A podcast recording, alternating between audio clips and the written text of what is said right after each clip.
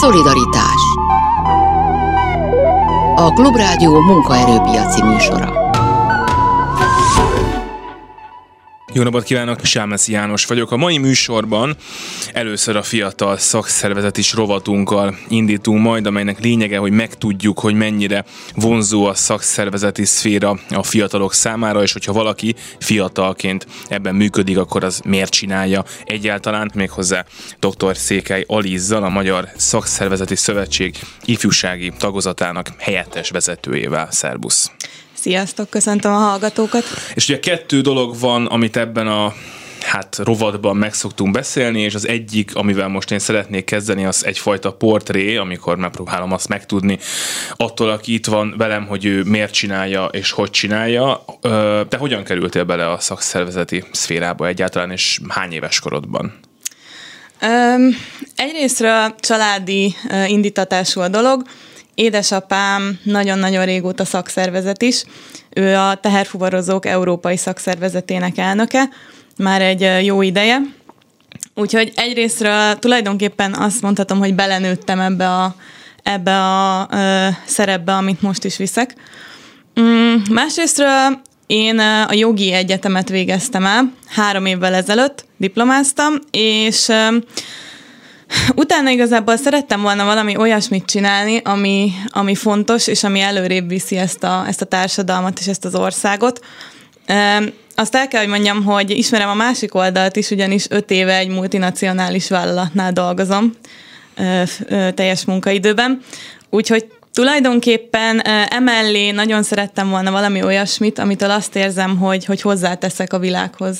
De ez nagyon sok minden lehetne, és mondjuk akkor a te életedben az egy logikus dolognak tűnik, hogy miért a szakszervezetről gondoltad azt, hogy, hogy érdekképviseleti vezetőként akár hozzá tudsz tenni valamit a világhoz. Ez mennyire értedődik magától? Nagyon sok ember fejében nem gondolom azt, hogy a szakszervezet az úgy jelenik meg, mint valami, hát most hozzáadunk az országhoz, segítünk embereknek dolog, hanem hát jó, ezt régen csinálták, most már nem muszáj feltétlenül. Gondolat lehet a fejekben ezzel kapcsolatban.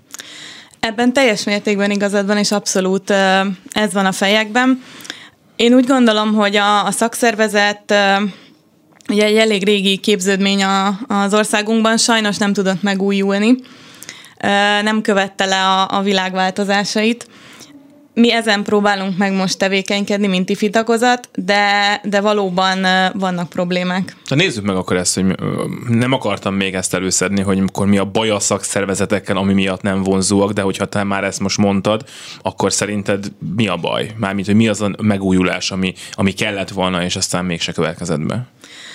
Ö, valóban én sem feltétlen csak arra szoktam kihegyezni ezeket a beszélgetéseket, hogy mi a probléma, hanem ugye jó egy megoldást is keresni. De úgy gondolom, hogy hogy ahhoz, hogy megoldást találjunk, először meg kell határozni, hogy mi a probléma, és hol állunk most. Um, úgy gondolom, hogy a fiatalok számára alapvetően nem vonzó a szakszervezet, és ennek számtalan oka lehet. Um, amint mondtam, hogy egyszerűen nem tudott megújulni ez a mozgalomnak hívjuk tulajdonképpen, de én ezt se feltétlenül szeretem használni ezt a szót. Ö, alapvetően a szakszervezetnek nem az lenne a lényege, ami mondjuk a rendszerváltás körül volt, tehát ez nem egy ilyen, szokták mondani nagyon csúnyán fogalmazva, hogy kommunista csökevény, ennek nem ez lenne a szerepe. A munkavállalókat minden időben, mindenkorban érdemes és szükséges képviselni, és ez lenne a fő feladata a szakszervezetnek illetve a szakszereti szövetségnek is. Úgyhogy én úgy gondolom, hogy maga a feladat az abszolút időtálló, és szükséges lenne most is ezzel foglalkozni. Más kérdés, hogy, hogy ez hogy sikerül. Tehát itt valami fajta arra gondolsz, hogy új módszerek kellenének, vagy akár a kommunikációban egyfajta megújulás? Így van, igen. Um, az elnökünk úgy fogalmazott a május 1 beszédében, hogy szexivé kell tenni a szakszervezeteket a fiatalok számára, és én, én ezzel maximálisan egyet tudok érteni. Úgy gondolom, hogy vonzóvá kell tenni, és ami megoldást én erre látok, az két út. Egyrészt a, a jelenlét, sokkal sokkal jobban kell kommunikálnunk, ott kell lennünk, jelen kell lennünk egyszerűen azokon a, az eseményeken, amit például a fiatalok kedvelnek, a social médiában jelen kell lennünk sokkal aktívabban, jobban kell használnunk ezeket a, ezeket a platformokat, másrésztről pedig én az oktatásban hiszek, és, és hogy minél hamarabb be kell avatni abba a fiatalokat, hogy igenis, ha van véleményük, azt érdemes és szükséges elmondani, mert így tehetnek hozzá az ország ügyeihez.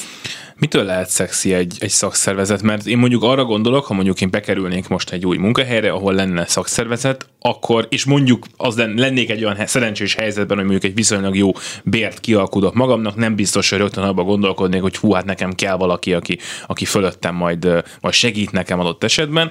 Valószínűleg akkor akarnék szakszervezeti tag lenni, hogyha ott szimpatikus, valószínűleg hozzám korban viszonylag közel álló emberek lennének a tagok.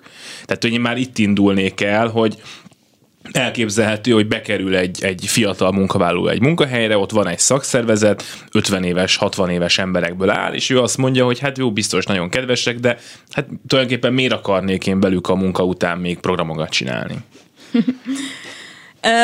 Ezek a gondolatok, amiket most, most mondasz, ezek nyilván ismerősek számunkra is. Én úgy gondolom, hogy egy olyan fiatalt, aki még nem találkozott a szakszervezettel, és tényleg fogalma sincs, hogy mi az, kettő dologgal lehet megfogni. Az egyik az az, hogy egy közösséget adunk.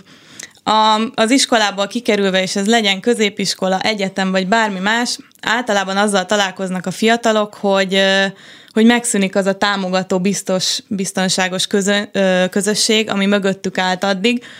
Erre tök jó egy szakszervezet, ami a munkavállaláskor annak kezdetén már ott tud akár állni, és egy tök jó közösség tud kialakulni, fiatalok között van, és, és hát jobb esetben ez egy tényleg egy baráti társaság is lehet akár. A másik, amit szerintem egy szakszervezet még adni tud egy fiatalnak, az az, hogy a fiataloknak alapvetően van véleményük. Egy, szerintem elég erős véleménye van a, a fiatalok többségének a, a közéleti dolgokról például, de úgy érzik, hogy ezt egyrészt nem tudják kimondani, elmondani. Ez általában megmarad egy családi ö, vagy baráti körben, illetve nem gondolják azt, hogy, hogy lényeges, fontos a véleményük. És tulajdonképpen a szakszervezet erre is egy nagyon jó fórum lenne, hogy ezeket a véleményeket ö, becsatornázza akár a döntéshozó folyamatba. Tehát is gondolunk arra, hogy én bekerülök 20 évesen egy nagy céghez, ahol nálam nyilván tapasztaltabb és okosabb emberek és idősebb emberek dolgoznak, ők a főnökeim, csinálom a munkámat, csöndbe vagyok. Ha meg benne vagyok a szakszervezetben, akkor lehet, hogy ott olyan akár nyilván a bérrel, a munkaidővel kapcsolatos problémákat is fel tudok vetni, de hogy akár még szakmai kérdéseket is fel tudok vetni, ami lehet, hogy akkor így egy, egy, egy utat talál akár a, a döntéshozók felé. Erre gondolsz például? Igen, abszolút. Ez ugye munkahelyi szinten ez pontosan így jelenik meg, amit mondtál. Egy fiatal pályakezdőnek gondolhatnánk, hogy nincs nagyon beleszólása abba, hogy mi történik egy munkahelyen. Néha még a bérüket sem igazán megfelelően tudják kialkudni a munkáltatóval. Én úgy gondolom, hogy abszolút, tehát hogyha be, bekerül egy szakszervezetbe, és ez a szakszervezet mondjuk jól működik, akkor akkor úgy érezheti, hogy, hogy fontos az ő véleménye is, és ő is tud azért tenni, hogy egy munkahelyen jobbak legyenek a munkakörülmények. És egyébként ez egy fiatalnak nagyon, ö, nagyon fontos lehet, ugyanis ö, a Magyar Fiatalok 2021 kutatás is kimutatta, hogy rendkívül céltalannak érzik magukat sokszor a fiatalok, és hiába van véleményük, ez, ezt megtartják általában maguknak, úgyhogy erre például tök jó egy szakszervezet. Tehát mondjuk ad egy célt például a munkahelyen, igen. akár hogyha valaki aktív tag lesz, akkor az már érezheti úgy, hogy hát én azért is dolgozom, hogy a kollega kicsit jobban keressen, vagy haza Így tudjon van. menni a gyerekhez, hogyha mennyire van tiszta kép egyébként, vagy egyáltalán bármilyen kép a, a fiatal munkavállalók fejében szerinted a szakszervezetekről? Tehát amikor mondjuk egy, egy nem, nem létezik ilyen, hogy átlagos, nem tudom, 22 éves pályakezdő, de egy átlagos 22 éves pályakezdő, ha mégis létezik, neki mi van a fejében? Micsoda a szakszervezet? hát elég sok fiatal, fiatalt meg tudtunk már erről kérdezni az elmúlt két évben, így a Magyar Szakszereti Szövetség berkein belül is, illetve fesztiválokon is jártunk. Például egy fesztivál nagyon jó lehetőség erre, ott aztán mindenféle emberrel lehet találkozni. És azt vettük észre, hogy alapvetően a munkajogi tudásuk egyre jobb, egyre több információjuk van például a, a bérekről, vagy akár egy munkahelyen a, a nem tudom, mondjuk a szabadságolások folyamatáról, viszont a szakszervezetről szinte semmi. Tehát, hogy így van valami a fejükben, hogy ez valamilyen ilyen szocializmusból visszamaradt valami dolog, de, de hogy így nincs konkrét semmilyen véleményük. Tehát nem is tudják, hogy ez micsoda magyarul. Tehát akkor ott kell kezdeni, hogy akkor elmeséljük, hogy mi azért vagyunk itt, hogy? Általában igen. Akkor van valami fogalmuk, hogyha a cégüknél, ahol dolgoznak, ott van szakszervezet, akkor úgy nagyjából dereng, hogy mi, de általában nem. Most az jutott eszembe, mondtad, hogy egy multinál dolgozol, és most így előttem van néhány más multinál dolgozó barátom, és uh, szerintem biztos, hogy nem szakszervezeti tagok, nem tudom, hogy van egyáltalán náluk szakszervezet, de azt viszont tudom, hogy ők pont viszonylag jó helyzetben lévő munkavállalók, jó végzettséggel, nyelvtudással, érdekérvényesítő képességgel, és azon gondolkozom, hogyha most nekik azt kéne mondanom, hogy figyelj, lép be a szakszervezetbe, fizes be a fizetésed, nem tudom, x százalékát nekik. Tagdíjként maradj ott a munka után még valami tevékenységet végezni, akkor lehet, hogy azt mondani, hogy hát figyelj, hát nekem is minden évben nőtt a fizetésem, tök jól el vagyok, egyébként amikor akarok, akkor home office-ban, szóval hogy nem biztos, hogy nekem ez kell. Nekik például mit lehet mondani, hogy miért kell? Igen, ők a, a nehezebb eset, akik tényleg már alapból egy jó, jó közegből jönnek, és, és a munkakörülményeikkel is teljesen meg vannak elégedve.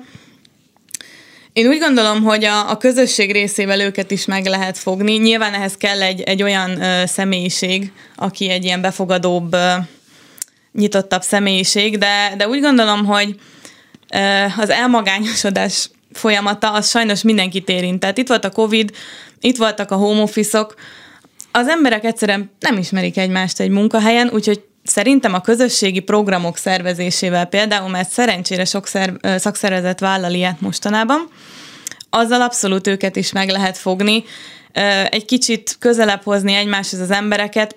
Például a saját példámat említve, én a cégnél szerintem egy kezemmel meg tudom számolni, hogy hány embert láttam az utóbbi két évben személyesen. És számomra például nagyon hiányzott ez a közösség.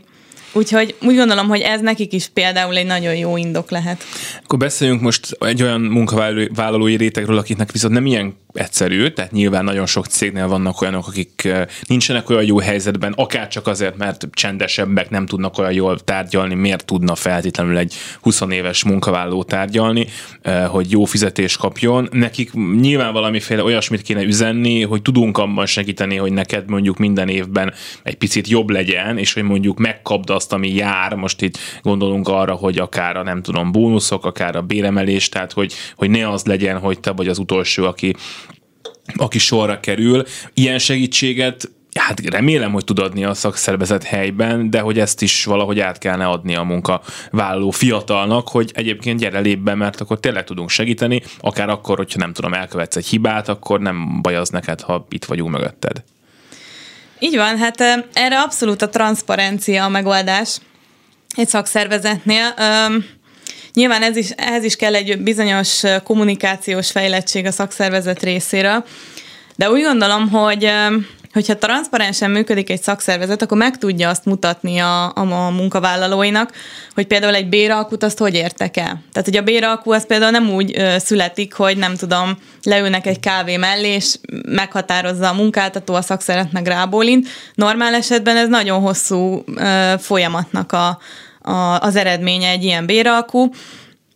És például, ha ezt megmutatjuk egy munkavállalónak, úgy gondolom, hogy ez egy igen erős érv, de bármilyen más munkakörülményről beszélhetünk, mm, nem tudom, akár a, a például a mosdók állapota egy munkahelyen, az is elég kardinális kérdés, és sokszor nem olyan, amilyennek lennie kéne, vagy esetleg a védőitalok, vagy bármilyen olyan intézkedés, ami egy munkavállalónak a, a munkában létét megkönnyíti, jobbá teszi.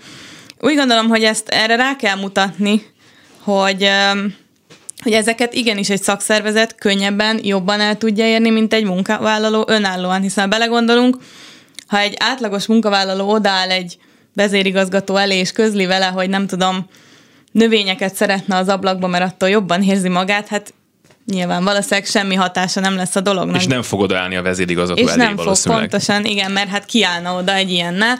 De a szakszervezet jobb esetben minden héten tárgyal például a vezérigazgatóval, úgyhogy be tud ilyeneket csatornázni. Beszéljünk még arról, hogy hogyan lesz valakiből szakszervezeti tag, ezt már nagyjából megbeszéltük, de utána hogyan lesz belőle aktív tisztviselő egy szakszervezetben, mert az nyilvánvalóan egy következő lépés, és hát ahogy te is mondtad, ez nagyon sok esetben, vagy a legtöbb esetben ez egy munka mellett végzett tevékenység lesz, amiből hát az következik, hogy az embernek a szabad idejét kell valami olyasmire fordítania, amiről nyilván el kell hinnie, hogy az fontos és, és értékes. Tehát hogyan lehet ezt a szintet megugrani, vagy hogyan tudtok ti meggyőzni embereket, hogy oké, okay, tag vagy, itt vagy, vállalj egy kicsit több szerepet? A, úgy gondolom, hogy a, a legkönnyebben a, szintén a rendezvényeken lehet meggyőzni embereket. Mi az ifjúsági tagozat részéről például képzéseket tartunk. Ezek általában hétvégi képzések, úgyhogy igen, ez valóban a szabadidőből megy. Viszont úgy gondolom, hogy ezek a képzések annyira jó hangulatban telnek, és szinte egy baráti társaságként funkcionál a dolog, hogy ide bárkit szívesen látunk, és általában az emberek szívesen is jönnek, hiszen próbáljuk ötvözni egyrésztről a tanulást, mindig elhívunk valamilyen trénert, valakit, aki, aki segít nekünk egy kicsit a szakszervezetekbe jobban belelátni, illetve hát a munkajogi dolgokba természetesen. Másrészt pedig ezek mindig egy olyan helyen történnek, ahol, ahol össze tudunk jönni, szabadidőt is tudunk találni magunknak. Úgyhogy úgy gondolom, hogy ez a közösségi része, amivel, amivel meg lehet győzni valakit, aki már, már valamilyen szinten fogékony a szakszervezetek felé, de még, még nem vállalt aktív szerepet. Illetve hát az, az, ami engem abszolút meggyőzött, az az, hogy valami hasznosat és valami jót tehetek ebben a, e, ebben az országban, ezért a világért valamit tehetek, és szerintem ez egy nagyon, nagyon jó érzés, és nagyon fontos lenne sok ember számára, hogy valami célt találjon az életének. Nyilván sok, sok olyan ember van, aki dolgozik valahol, de igazából nem érzi magát kiteljesedetnek. És szerintem ehhez nem csak a szakszervezet, bármilyen civil szervezet, vagy bármilyen civil kezdeményezés tök sokat tud hozzátenni. A sikerek is gondolom, már most sikerként arra gondolok, hogyha van egy szakszervezetnek egy sikeres pértárgyalása, egy sztrájkja, vagy akár egy tüntetése, nem tudom, akkor az, az bevonzhat új embereket mindig. Ha csak a szakszervezet úgy van, és leül tárgyalni évente csöndben egyszer a munkaadóval, és akkor valami ott lesz, az meg nem biztos, hogy elég arra, hogy vonzon embereket. Abszolút, abszolút. De úgy gondolom, hogy hogy tehát a kis, kis sikereknél érdemes kezdeni, és például egy ilyen sikeres tréning hétvége megszervezése is tud egy olyan, olyan pluszt adni az embernek, ami, amitől azt érzi, hogy, hogy ezt ő alkotta, ezt ő hozta létre, és igen, hát nyilván a magasabb szintek, amit te is említettél, mondjuk egy, egy sikeres béralkú. Beszéljünk még egy nagyon picit arról, mert az elején mondtad, hogy nem tudott a szakszervezet megújulni, és mondjuk, vagy a, hát a mozgalom maga megújulni. E, biztos, hogy ez szakszervezetenként, meg konfederációnként különbözik, hogy kinek mi, hogy sikerült az elmúlt évtizedekben, de hogy, hogy a megmaradását egyáltalán a szakszervezetiségnek, meg azt, hogy ez ne valami olyasmi legyen, amit majd évről évre egyre kevesebb ember, egyre kisebb intenzitással és sikerrátával végez, hanem hogy tényleg jöjjenek a fiatalok, az nagyon, az, ahhoz nagyon kell még gondolom változtatni, és ha meg nem jönnek a fiatalok, akkor előbb-utóbb, most nyilván biztos, hogy 20 év múlva is lesznek szakszervezetek, de tehát lehet, hogy még jóval kevésbé fontosak lesznek, ha nem jönnek új emberek folyamatosan. Igen, én úgy gondolom, hogy egy kicsit ez egy ilyen, ilyen ördögi kör. Tehát, hogy most nincs elég fiatal, de ha most nincs elég fiatal, nem tudunk megújulni, és akkor nem lesz megint új fiatal. Úgyhogy nehéz kitörni ebből a, ebből a körből. Um, ezt tényleg csak az, azt tudom mondani, hogy, és mi ezen próbálunk meg jelenleg is dolgozni, hogy, hogy megújuljunk, és valahogy szakítsunk a régi, régi sztereotípiákkal, ami az emberek fejében van, hiszen mondtam, hogy tehát a munkavállalói képviselet az, az mindig egy olyan kérdés lesz, aminek szükséges, hogy létezzen. Mm, más kérdés, hogy ezt hogy sikerül elérni, de, de úgy gondolom, hogy mindenképpen egy alapvető koncepcionális váltásra lesz szükségünk. Számtalan ötletünk van, meglátjuk, hogy hogy sikerül. Tudsz valamit mondani, amit így a IFI vezető helyettesi pozícióban egy sikerként éltél meg, vagy akár az egész IFI tagozatnak az életében, mondjuk így az elmúlt évekből, amire azt tudod mondani, hogy na, ez érdemes volt, ez, ez, ez jó volt, még sok ilyet kéne elérni, csinálni? A, az egyik ilyen legfontosabb együttműködésünk, amire büszke vagyok, hogy, hogy sikerült kialakítanunk, az a Friedrich Eber Stiftung alapítványjal van. És Például erre nagyon büszke vagyok, hogy velünk nagyon jó kapcsolatot alakítottunk ki, közös rendezvényeket is szerveztünk, és úgy gondolom, hogy azok a rendezvények, azok olyan magas minőségűek voltak, hogyha ezt tudjuk folytatni, és már pedig abszolút ez a cél, akkor, akkor azzal sok fiatalt meg tudunk majd szólítani. Ezek a rendezvények mind olyan kérdéseket tárgyaltak, amik alapvető problémák a, a fiatalok életében, és itt nem csak a szigorúan a munkajogi dolgokra gondolok, hanem akár a lakhatás, az oktatás kérdései. Úgyhogy én erre a, a kapcsolatra, erre az együttműködésre vagyok most jelenleg a legbüszkébb. Köszönöm szépen, hogy itt voltál. Székely Alizzal, a Magyar Szakszervezeti Szövetség ifjúsági tagozatának helyettes vezetőjével beszélgettünk a elmúlt szűk fél órában. Most folytatódik a szolidaritás.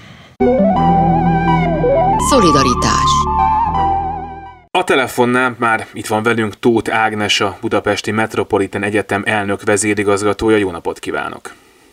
Jó napot kívánok! És amiről beszélgetni fogunk, azt talán legegyszerűbb úgy leírni, így néhány gondolattal, hogy az oktatás és a munkaerőpiac viszonya, arról, hogy, hogy mennyire függ az össze, ami már mondjuk az általános iskolától ér minket azzal, hogy majd aztán a dolgozó 40 évünkkel mit tudunk kezdeni, meg hogy, hát, hogy mire kell tanítani most a gyerekeket, hogy aztán végül is a munkaerőpiacon el tudjanak helyezkedni, és hát ugye itt az örök kérdés az, ami szerintem a politikától, az oktatással foglalkozó szakmát is foglalkoztatja, hogy lehet-e úgy oktatni, hogy az utána a munkaerőpiacot így közvetlenül kiszolgálja, és szoktak ilyen álláspontok lenni, hogy hát azt kell tanítani, amit dolgozunk, és szoktak olyan álláspontok is lenni, hogy fogalmunk nincs, hogy majd tíz év múlva mit fogunk dolgozni, tehát akkor azt kell tanítani, hogy aki majd a munkaerőpiacra 20 évesen odalép, az tudjon alkalmazkodni, tudjon tovább tanulni, és mondjuk 30 évesen meg tudjon tanulni egy új szakmát. Úgyhogy szerintem kezdjük ott, hogy ön hol helyezkedik el ebben, tehát hogy az oktatásnak mi a dolga, amikor azt feszegetjük, hogy a munkaerőpiacra képzünk embereket. Attól függ, hogy az oktatásnak melyik szintjéről beszélünk. Nyilván az alapképzés, általános iskola, középiskola egy általánosabb a személyiség fejlődéséhez is hozzájáruló képzést tud adni, és valójában a betanított munkás az, akit a mostani munkaerőpiaci igényre kell felkészíteni. Hogyha a felsőoktatásban gondolkodunk, akkor arra van szükség ahhoz, hogy a munkaerőpiacon majd jól helytálljon valaki, hogy hosszú távon gondolkodjunk. És az, hogy valóban 10-15 év múlva, vagy akár még 25 év múlva is szeretné valaki használni a diplomáját, hogy pontosan milyen lesz a munkaerőpiac, ezt biztosan nem tudjuk megmondani. És mégis azt gondolom én is, hogy a felsőoktatásnak feladata az, hogy erre felkészítse a hallgatóit.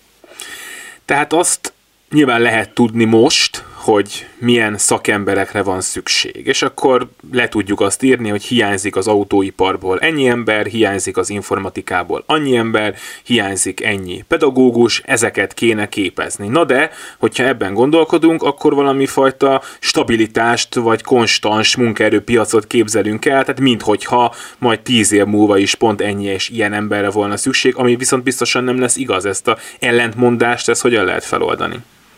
Így van, ez az egy, ami biztos, hogy nem ilyen lesz a munkaerőpiac és a világunk tíz év múlva, mint most. Az adat és az információ mennyiség az iszonyatos mértékben növekszik, és rohamos sebességgel el is évül. magának a tudásnak a, a tartalma, mennyisége nem csak, hogy nő, de, de változik is. És az egyszerű problémák megoldására meg már azért létrehoztunk számítógépeket, robotokat, úgyhogy a, a komplexebb problémák megoldására van igazán szükség a, az emberekre. Ha megpróbáljuk elképzelni a világunkat 10-15 év múlva, akkor szokott segíteni, ha visszatekintünk, hogy mondjuk 15 évvel ezelőtt mik azok a szerepkörök, munkakörök, amik nem léteztek. Mondjuk a közösségi médiában dolgozó marketing szakemberek, vagy akik a virtuális valósággal foglalkoznak, azok még nem is hallottak ezekről a területekről részletesen. És ma a jövő kutatók már a metaverse-nek, a fizikai világon túli univerzumnak a térhódításáról beszélnek. A virtuális világnak a gazdaságban betöltött szerepe sokkal, sokkal nagyobb lesz, mint a fizikai világé. Ez el fog érkezni ez az idő, és el, ezekre az időkre készülünk. Ebben mondjuk a gamification, tehát a játékok világa szintén sokkal meghatározóbb lesz, mint most. Úgyhogy ha az oktatás oldaláról közelítjük meg, akkor azt tudjuk tenni, hogy arra készítjük fel a diákjainkat, hogy ehhez a folyamatosan változó világhoz ők mindig tudjanak alkalmazkodni. Egy-egy szakterületnek a, a szakmai tartalmában eligazodjanak, értsék a nagy összefüggéseket, de ne érezzék azt, hogy ez egy kész, lezárt, egész tudástartalom, hanem álljanak készen arra, hogy folyamatosan beépítsék, ami változik, és folyamatosan felkészüljenek az új kihívásokra. Ja, említette Ebben pont ezt a, bocsánat, hogy említette ezt a, ezt a közösségi média marketing dolgot, és ebből jutott uh-huh. eszembe, hogyha képeztünk marketingeseket, és ezt azelőtt is képeztünk, hogy egyáltalán tudtuk volna, hogy mi majd a közösségi médiában fogjuk élni az életünk egy jelentős részét. Szóval, hogyha olyan marketingeseket képeztünk, vagy képeztünk volna, akik egyébként tudnak alkalmazkodni, tehát a maguk szakmáját azt tudják adaptálni mondjuk egy új világhoz, amit a közösségi média jelent, akkor elvilegben készen is vagyunk, de hogy ez biztosan nem ilyen egyszerű. Igen, nem ilyen egyszerű. Van a dolgoknak a szakmai tartalmi része. Egy marketinges, aki korábban tanult, az most részt vehet egy külön képzésen, amelyik az online marketinggel, a közösségi médiának a használatával foglalkozik. De aminek még ennél is nagyobb a jelentősége, hogy az információ feldolgozásának a módja változik a világban, hogy hogyan jut el hozzánk a tartalom. És ebben a mi munkánk, a kreatív és kritikus gondolkodás az, ami különösen nagy szerepet kap, hogyan kötünk össze egyes elemeket, milyen összefüggéseket állapítunk meg. Ezeket a készségeket is lehet fejleszteni, az alkalmazkodási képességet, a kreativitást. Ezt sokan azt gondolják, hogy ezzel vagy születtünk, vagy nem. Ez nem így van. Az oktatásnak nagyon komoly feladata, vagy feladata kellene, hogy legyen, hogy azokat a készségeket fejlesz amelyek a hosszú távú alkalmazkodás során ilyen kult szerepet játszanak. Ez egyébként már egy akár általános iskolás, vagy középiskolás szint, amiről most beszél? Attól függ, hogy melyik készségről van szó, de igen, minél fiatalabb valaki, annál nagyobb hatást lehet gyakorolni. Például a kreativitás az olyan, hogy minél fiatalabb korban foglalkozunk vele, annál eredményesebb a fejlesztése. De nem késtünk el az egyetemeken sem, ott egy alapvető megközelítésbeli különbség az, amivel szerintem a legnagyobb hatást lehetne elérni. Az egyetemek általában a szakmai tartalomra fókuszálnak, és azt nézik meg, hogy mi az, amit most meg kell tanítani, és itt én ezt idézőjelben használom ezt a szót, hogy megtanítani, mert valójában nem lehet, csak megtanulni lehet valamit, ezt muszáj a hallgatónak végigmenni ezen az úton. De hogyha nem csak erre fókuszál az egyetem, hanem arra is, hogy hogyan álljon készen erre az elkövetkező világra a nálunk végzett hallgató, akkor a szakmai, tudományos közeget úgy tudja biztosítani körülötte, és a készségeit úgy fejleszti, amelyel sokkal hatékonyabban tud a jövőbe tekinteni a fiatal is. Lehetnek-e egyébként kész válaszaink arra, hogy, hogy mik ezek a készségek pontosan, és hogy ezeket a készségeket hogyan kell fejleszteni olyan területekre, amikről még nem tudhatjuk, hogy majd hogyan fognak működni, és ott pontosan mire lesz szükség. Az mondjuk, hogy ha bizonyos dolgokat robotok fognak csinálni, akkor ott el tudjuk képzelni, hogy ezeket a robotokat majd, majd valaki be fogja állítani, aki egy technikailag nagyon képzett valaki, de mivel, hogy itt mégiscsak a élethez kell majd ezeket a, a robotokat beállítani, és ez most tényleg csak egy példa az ezer közül, amit felhozhatnánk, adott esetben annak, aki beállítja, nagyon más készségekre is szüksége lehet, mondjuk azon kívül, hogy ő be tud programozni egy robotot. Szóval, hogy szóval nagyon nehéz lehet egy, mondjuk egy pedagógus dolga is, akinek olyasmire kell felkészíteni egy, egy, egy fiatalt vagy egy már idősebb tanulót, amiről nem tud mindent. Igen, ami a jövő kapcsán eszünkbe jut ilyenkor az, hogy a robotok, a számítógép világa meghatározó lesz, és ezért sokan azt gondolják, hogy technikai programozási ismeretekre van leginkább szükségünk. Nyilván ilyen munkatársakra, ilyen szakemberekre mindig szükség lesz, de mivel ez is önmagában egy fejlődő terület, ezért a legnagyobb szükség a nehezen automatizálható területeken lesz az emberekre, ahol nem tudjuk beállítani a robotokat. Az ilyen munkakörök tipikusan azok, ahol az embernek a szociális készségeire, a kommunikációs képességeire van szükség. Például, amit ön csinál egy ilyen interjú elkészítésekor, hogyan gondoljuk tovább a másiknak a gondolatmenetét, az interakciókat hogyan végezzük.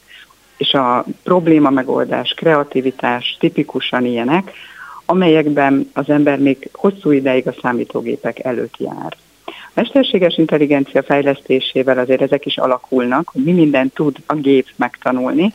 Én azt gondolom, hogy ha messzire tekintünk előre, akkor az most nyilvánvalóan látszik, és ezt nem csak én mondom, hanem például a World Economic Forumnak a minden évben kiadott jelentése is, hogy azok a készségek, amelyekre legnagyobb szükség van, minden jel azt mutatja, amelyeket a legnehezebb a számítógépeknek megtanítani. Eszembe jutott még egy dolog, amit a nyári Krisztián szokott mindig mondani, hogy mennyire fontos olvasni, és van egy csomó munkakör, amiből azt gondoljuk, hogy ott aztán tényleg semmi szüksége arra, hogy az ember szép irodalmat olvasson, de hogy egyébként egy csomó készség, például, hogy bele tudjuk élni magunkat más helyzetébe, akinek nem vagyunk a helyzetébe, az megtanulható mondjuk irodalomból, és ez azért jutott eszembe, mert ez megint valami, amire nem gondolnánk, de közben meg fejleszthet egy, egy csomó olyan készséget, amire valami egészen más területen lehet majd szükségünk. Elképesztő sok dolgot fejleszt az olvasás. Én három dolgot emelnék ki belőle.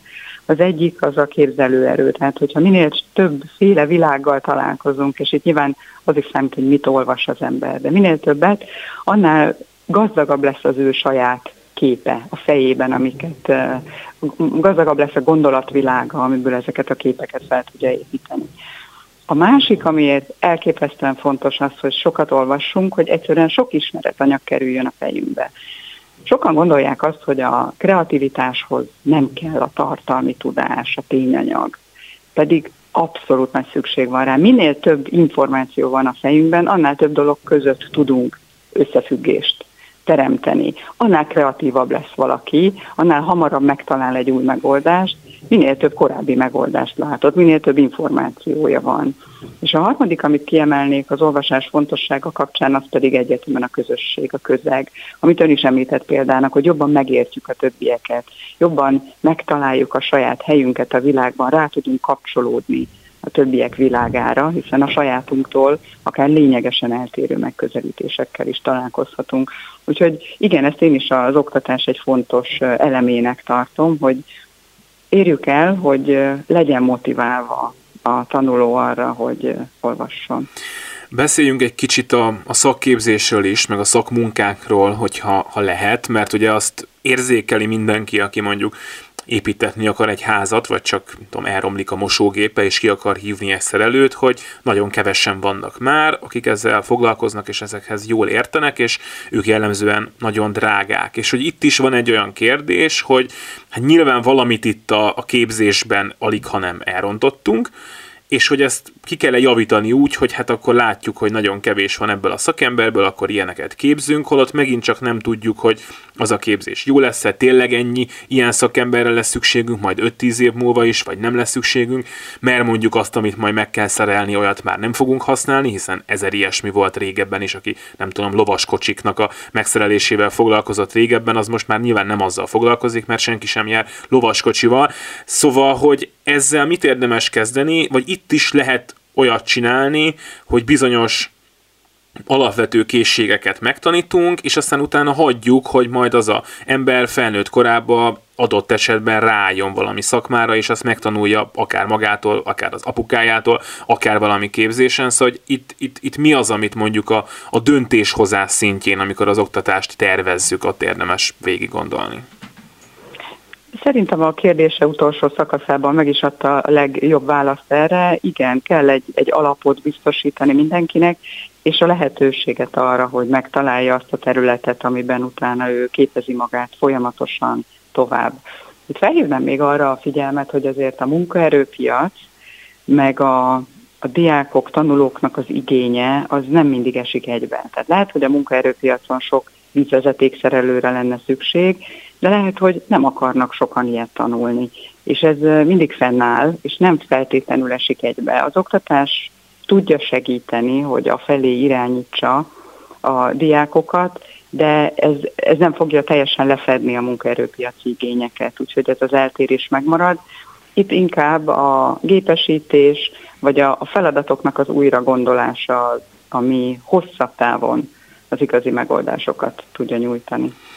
Erről a szakképzés dologról az írott eszembe, hogy nekem rengeteg olyan ismerősöm van, nem rengeteg, de nagyon sok, akikkel gimnáziumba együtt jártunk, van is olyan köztük, aki utána egyetemre ment, majd valamiért mégis valami szakmát választott, egészen egyszerűen azért, mert hogy mondjuk a vállalkozáshoz vannak, van affinitása, és rájött arra, hogy hát egyébként ebből nagyon jól meg lehet élni, és ugye ez megint egy olyan dolog, hogy hát aki mondjuk még a gimnáziumban egy USV fiú biztosan egyetemre megy, és nem tudom, közgazdász lesz belőle, majd lesz belőle egy nagyon ügyes építőipari vállalkozó, aki egyébként egy évtizedig lehet, hogy tényleg ott van és építi azt a falat meg azt a burkolatot, tehát hogy ná, róluk se tudta senki még akkor, hogy egyébként mondjuk ilyesmit fognak csinálni csinálni, mind hogy rengeteg mindenkiről nem tudják még középiskolában, egyetemen sem, hogy na, ő majd mit fog csinálni később.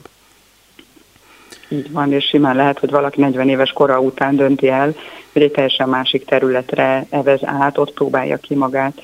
Én azt gondolom, hogy egy egyetemnek az mindenképpen szerepe, feladata, hogy kellő rálátást biztosítson a világra, és képessé tegye a hallgatókat arra, hogy megtalálják a, a saját útjukat. A Budapesti Metropolitan Egyetemen is a képzésünknek része az úgynevezett My Brand, a, a saját személyes márka fejlesztése, amihez az önismeret egy elengedhetetlen kiinduló pont. Hogyha valaki tisztában van azzal, hogy ő miben a legjobb, melyek azok a készségei, amelyek akár átlag fölöttiek, hol érzi jól magát, hol tud gyorsan fejlődni, akkor sokkal nagyobb esélye megtalálja azt, ahol ő sikeres lesz. Gyakran a váltásokban azért az a kiinduló pont, hogy nem érzi magát valaki igazán sikeresnek egy adott területen, vagy már nem lát kihívást ott saját maga számára. Ezért tartom nagyon fontosnak, hogy az önismeretből induljunk ki, és arra építsük rá ezeket a, a további elemeket. Említette itt a, a vállalkozást, ami tényleg mindig egy olyan elem, amit nem tudunk előre, hogy mi most munkavállalóként, vagy majd később vállalkozóként fogjuk a, az adott szakterületet képviselni. Ezért is érdemes beépíteni például a vállalkozási ismereteket, az ehhez szükséges készségeket egy egyetemnek a, a képzési tárába, azért, hogy a hallgatók maguk eldönthessék, hogy melyik irányt válasszák később. A következő kérdésem az az lenne, hogy ez egy viszonylag gyakori jelenség szerintem, hogy a, az állam, akár mint szabályozó, akár mint képző lemarad egy kicsit a gazdasághoz képest. Tehát most gondolhatunk arra, hogy mondjuk most adatelemzőkre van szükség, vagy mondjuk tíz évvel ezelőtt elkezdett rengeteg informatikusra szükség lenni, soha senki nem gondolta, hogy ennyi fog kelleni, nyilván nem is volt. Nehéz is ezért egyébként ilyen száz százalékban azt hibáztatni, aki eldöntötte, hogy kiket fogunk képezni, mert nyilván nem lehet a jövőbe látni vagy ha gondolunk arra, hogy fogalmunk nem volt még mondjuk tíz évvel ezelőtt, hogy lesz majd olyan típusú megoszt, autós megosztást, amilyen az Uber mondjuk, hogy akkor majd így hívunk, uh, így hívunk taxit, és erre sem tudod fölkészülni a, a szabályozó, úgymond, és nyilván akár az adott esetben a, a képzés szintjén sem. Szóval, hogy hogyan tudunk nem lemaradni ezekről a változásokról, és akár elébük menni egy kicsit. Hát ez rendkívül komplex kérdés. Van ebben mondjuk az egyetemeknek valamilyen szerepe. Említette az IT területet, ahol még most is azt látjuk, hogy több államilag finanszírozott hely van, mint amennyi megtelik. És a, a lemorzsolódás is óriási ezen a területen, akár 50% fölött van azoknak a száma, akik elkezdik a képzést, de nem szeretnek diplomát az adott területen.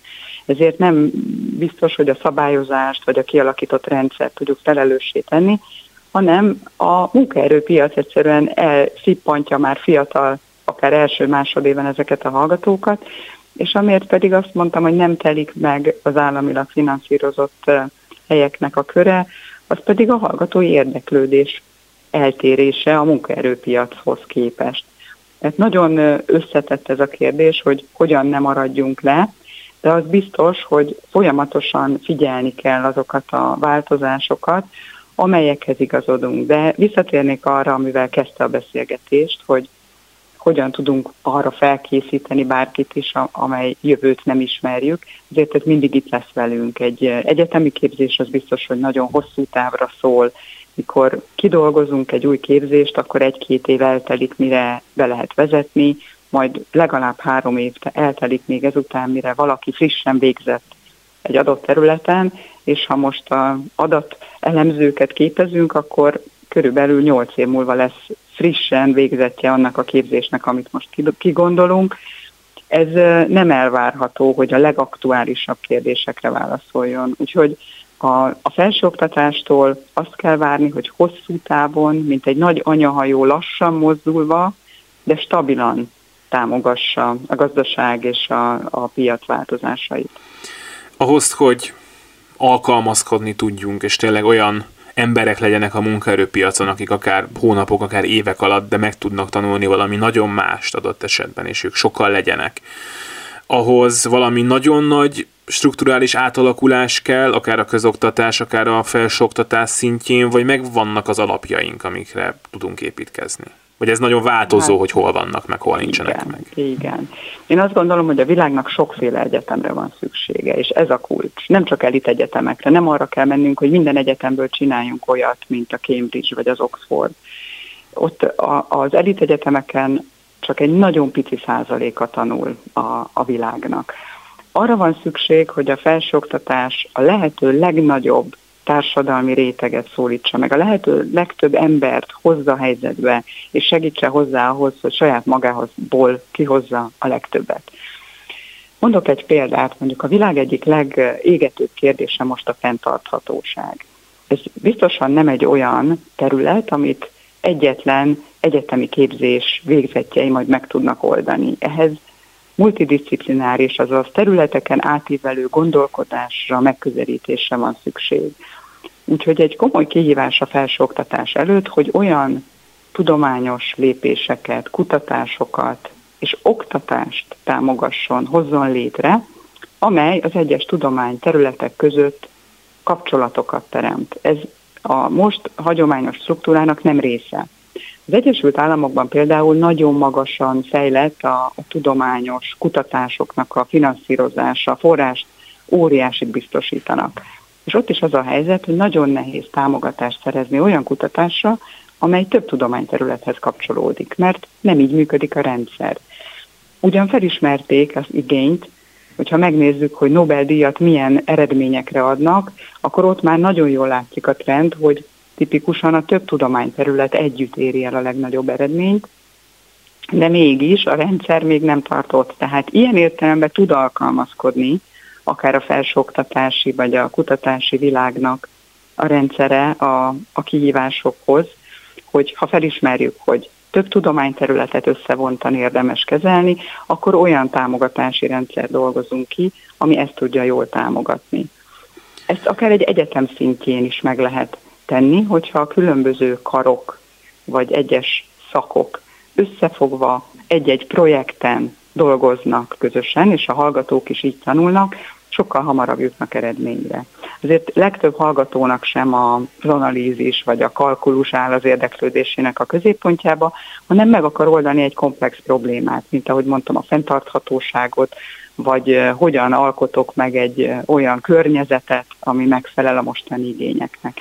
És mivel ez a probléma érdekli, akkor óhatatlanul majd érdeklődni fog az analízis meg a kalkulus iránt is, és belülről motiváltan elsajátítja azokat a dolgokat, amik ehhez kellenek. Nos, hogy ezt megvalósítsuk, ehhez strukturálisan kell megváltoztatni a felsőoktatást. Ugye most hát vannak vitatott, de mindenképpen abba az irányba mutató kormányzati intézkedések, hogy többen tudjanak egyetemre menni. Ugye Magyarországon a régiós országokhoz képest egy ilyen más tendencia volt az elmúlt években, kevesebben mentek arányaiban a felsőoktatásba. Ez fontos, hogy, hogy minél több ember be tudja jutni, és aztán utána meglátjuk, mi lesz vele? Ahogy az előbb is elmondtam, én azt gondolom, hogy igen, az, hogyha minél nagyobb a társadalmi hatása a felsőoktatásnak, az jó. Minél több ember van, aki saját magából kihozza a legtöbbet, az össztársadalmi és gazdasági szinten mérhető előnyökkel, előnyökkel is jár, nem beszélve arról, hogy az adott egyén is jobban érzi ettől magát. Tehát az a cél, hogy tanuljanak többen egyetemen, az mindenképpen egy jó cél. Ehhez a célhez többféle út vezet.